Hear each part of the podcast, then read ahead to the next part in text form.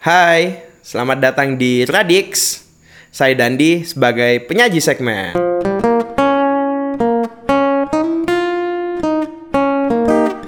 Dalam episode 6 segmen buka buku kali ini, luar studio, saya telah bersama salah satu pegiat sastra di Kota Makassar yang juga merupakan eh, ketua dari komunitas Malam Surek atau yang lebih dikenal dengan Malam Puisi Makassar. Dengan Bung Agi saat ini. Halo Bung Agi, bagaimana Halo. kabarnya? Ya, seperti biasa saya selalu dalam keadaan baik. Oke, Eh, boleh dong eh, menyapa para pendengar Radix di Boleh. rumah dan juga sekalian perkenalkan. Ya, halo, selamat pagi, siang, ataupun sore juga malam buat para pendengar Radix di mana pun kalian berada. Eh, nama saya Algifari Jasin, saya masih berkuliah dan sedang menempuh hidup serius di Institut Sastra Makassar. Oke, berarti sehari-hari di Institut Sastra Makassar ya? Eh, setiap minggu, Setiap minggu. Iya. Memangnya di situ eh, berkegiatan bagaimana? Jadi Institut Sastra Makassar ini merupakan sebuah kelas penulisan kreatif yang ada di Makassar dan pertemuannya kami itu selalu setiap Sabtu di kata kerja. Kami selalu diberikan list bacaan. Maksud saya eh, tugas bacaan di setiap minggu oleh rektor kita tercinta Aslan Abidin dan Oke. itu cukup banyak untuk menyita waktu kita berada di dalam kamar. Nah, saat ini kami akan membahas eh, salah satu buku puisi dari penyair Gunawan Muhammad. Iya. Nah, yang ingin saya tanyakan kepada Bung Agi yang pertama adalah mengapa memilih eh, buku puisi fragmen untuk dibahas saat ini? Uh, sebenarnya kesadaran saya ketika berada di dalam sebuah toko buku, saya mencari-cari buku puisi dan saya mengira bahwa saya tidak memiliki koleksi buku dari Gunawan Muhammad. Dan satu-satunya yang bisa saya temui adalah fragmen. Lalu buku itu kemudian saya ambil dan saya taruh di dalam tas untuk membawanya pulang. Seperti itu. Dalam arti mencuri ya? Bukan mencuri, mengambil ya. Mengambil, oke. Nah, eh, bagaimana Bung Agi melihat sebuah kisah bekerja dalam buku puisi fragmen? melihat eh, bagaimana kisah bekerja di dalam buku fragmen. Saya mengamini bahwa fragmen yang dituliskan oleh Gunawan Muhammad ini adalah bagian eh, kecil dari sebuah peristiwa yang besar. Lalu eh, kemudian mungkin suatu perenungan dari Gunawan Muhammad untuk mencopot dan menco- eh, dan memindahkan kisah itu ke dalam bentuk sajak. Mungkin itu pula yang kemudian eh, Gunawan Muhammad memberikan penyematan di dalam bukunya bahwa buku fragmen ini merupakan eh, sajak-sajak yang baru. Karena menurutku sendiri ya yang bisa saya baca sampai saat ini adalah yang mengambil kisah dari eh, peristiwa-peristiwa besar adalah Gunawan Muhammad memasukkan ke dalam buku puisinya. Seperti itu. Oke. Secara garis besar dalam eh, fragmen ini apakah narasi-narasi tersebut eh, saling berkelindan eh, antara satu puisi dan puisi yang lainnya? Maksudnya apakah buis- bu- buku puisi ini merupakan eh, tematik atau mereka terpisah? Saya mengira bahwa dia tidak terpisah. Cuman eh, yang menjadi hal di dalam sajak-sajak Gunawan Muhammad ada beberapa sajak yang saya mencarinya dan menelusuri diambil dari sebuah kisah yang besar seperti Archiles. Eh, kemudian ada Mishima juga. Dan eh, kisah-kisah itu kemudian diperbarui. Maksud saya eh, memindahkan sebuah kisah yang besar ke dalam sebuah sajak itu merupakan sebuah kerja-kerja yang sangat sadar dilakukan oleh Gunawan Muhammad sebagai bentuk interteks. Seperti itu. Interteks dari eh, teks-teks dahulu ya. Iya. Lalu bagaimana Bung Agi melihat eh, kekuatan dalam puisi puisi-puisi yang terdapat dalam buku puisi fragmen? Eh, saya melihat uh, kekuatan besar dari uh, fragmen ini adalah bagaimana Gunawan sebenarnya menyublim gitu dan melihat gerak bahasa yang ditimbulkan oleh Gunawan Muhammad itu masih sangat naratif ya. Namun naratifnya ini bukan suatu hal yang sekadar tempelan saja. Namun kupikir salah satu bahan masakan yang paling pas untuk menghidangkan makanan ini kepada pembaca saya sebenarnya sudah mempertanyakan hal itu ketika proses saya membaca fragmen ini bahwa uh, yang terlihat adalah pengisah dan penyair. Nah, menurutku dua benda unik ini memiliki pekerjaannya masing-masing dan kisah itu dituturkan oleh pengisah secara berulang-ulang. Nah, sedikit istimewa bagi seorang penyair memiliki kuasa masuk dalam pikiran orang untuk menyampaikan pikiran orang itu.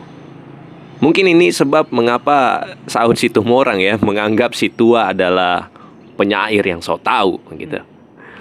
Layaknya sebuah pondasi latar sajak cukup mengonstruksi akan seperti apa penafsiran yang terbangun. Sebab latar sajak memberikan suasana. Bila saja fragmen ialah rumah, saya menganalogikannya seperti ini. Maka gambaran rumah itu adalah minimalis. Melihatnya secara bentuk sajak-sajak ini tersusun sebagai suatu bangunan yang ramping. Tentu penglihatan saya tidak dapat menentukan isi rumah itu seperti apa bila hanya melihatnya dari luar saja. Saya perlu memasukinya.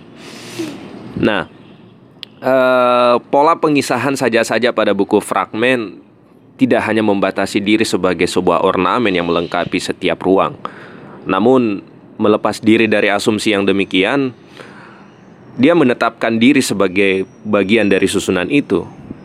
Saya pikir format itulah hingga Gunawan Muhammad juga menamai bukunya ini sebagai saja-saja yang baru.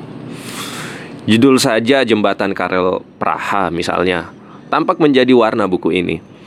Kedalaman warna biru laut bagi saya cukup sebagai representasinya. Dimensi sajak ini melukiskan uh, sebuah tempat dengan citraan visual. Sebagai dorongan saja ini memiliki emosi yang cukup kuat. Saya mengutipnya kayak begini. Ke seseorang yang mungkin menanti, tapi siapa ia kenali? Lampu gas terang yang terbatas, paras yang tak kembali, selalu singgah di lorong ini.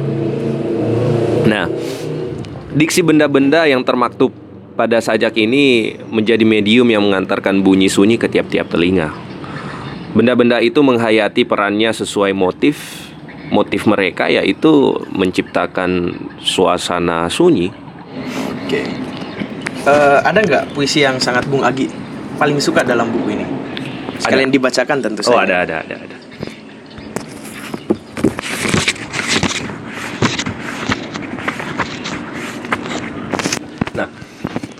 Ada satu sajak dari Gunawan Muhammad yang sangat saya sukai dan ini sajak yang selalu saya ulang-ulang. Hanya untuk mendengarkan bagaimana suara kesunyian itu diantarkan ke telinga saya. Judulnya Soneta Dua Dentang. Dua dentang pukul pada tiang listrik adalah dua keluh dalam kekal. Doa dini hari dan waktu yang tak mati mungkin tersembunyi di angka kelam dalam besi tua. Ini, atau barangkali ia tak ada. Hanya jejak yang rawan pada jam, hanya jam yang musnah, oleh saja, hanya saja. Mengapa saya sering mengulang-ulang uh, sajak ini? saya menemukan bahwa Gunawan sangat tertib sekali memainkan bunyi dan uh, bunyi itu kemudian uh, diantarkan oleh sebuah diksi, sebuah diksi yang kemudian memiliki sebuah emosi juga.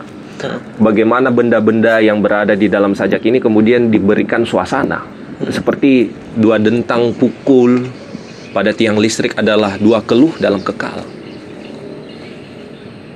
Ya, saya hanya bisa membayangkan ketika membaca saja ini, ketika malam hari dan salah seorang yang berada di sebuah kampung itu membunyikan tiang listrik sebagai penanda jam. Oke. Seperti itu dan itu suara yang cukup religius menurutku. Pada saat jam-jam 12 atau jam 3 subuh biasanya. Iya. Entah itu eh, panggilan tengah malam atau panggilan main domino. Di pos ronda. Iya. Hanya ada dua, dua kemungkinan besar untuk itu.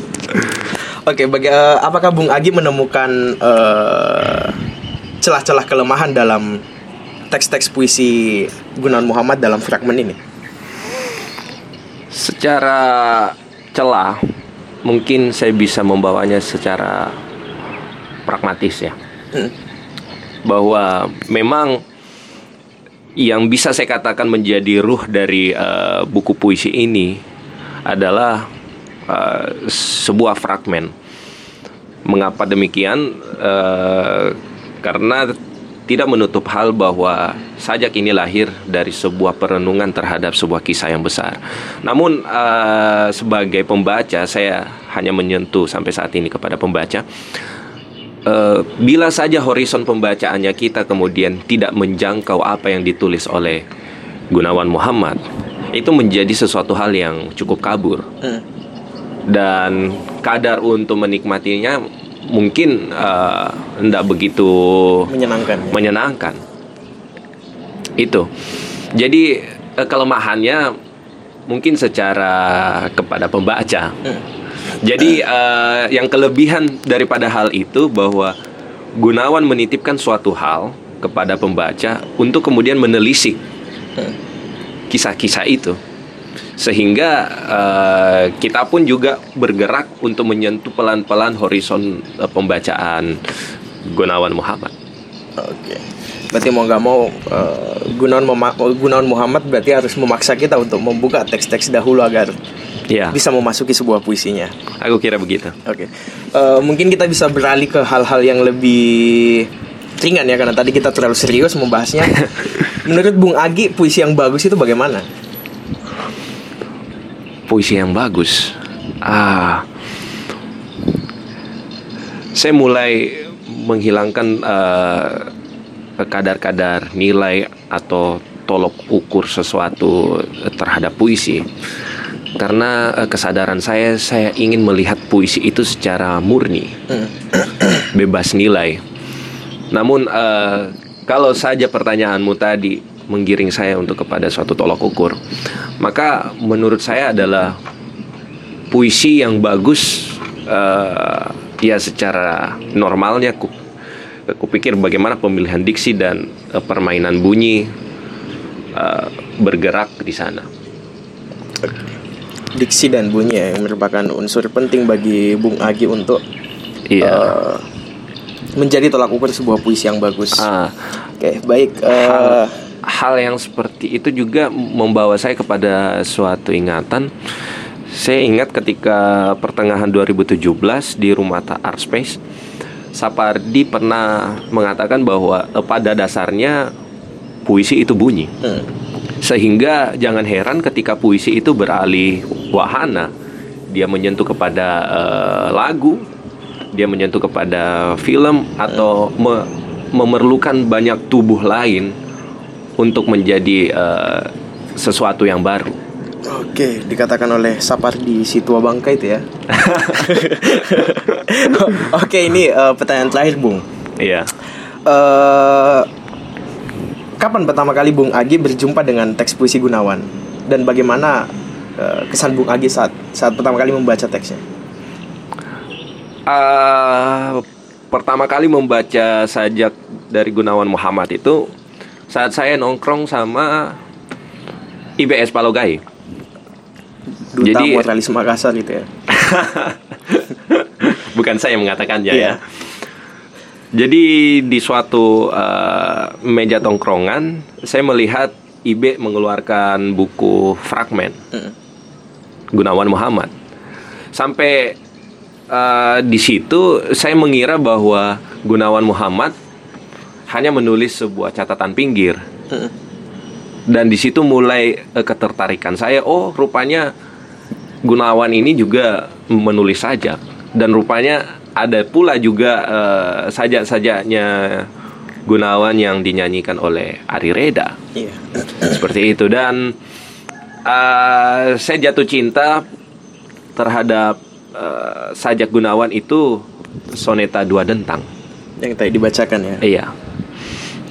Oke, uh, menarik sekali obrolan kita kali ini tentang puisi uh, puisi Gunawan Muhammad. Uh, bagi para pendengar Radix yang ingin berkenalan lebih jauh dengan Bung Agi bisa ditemukan di mana, Bung? Sosial medianya? Sosial media saya Instagram Algifari underscore Jasen.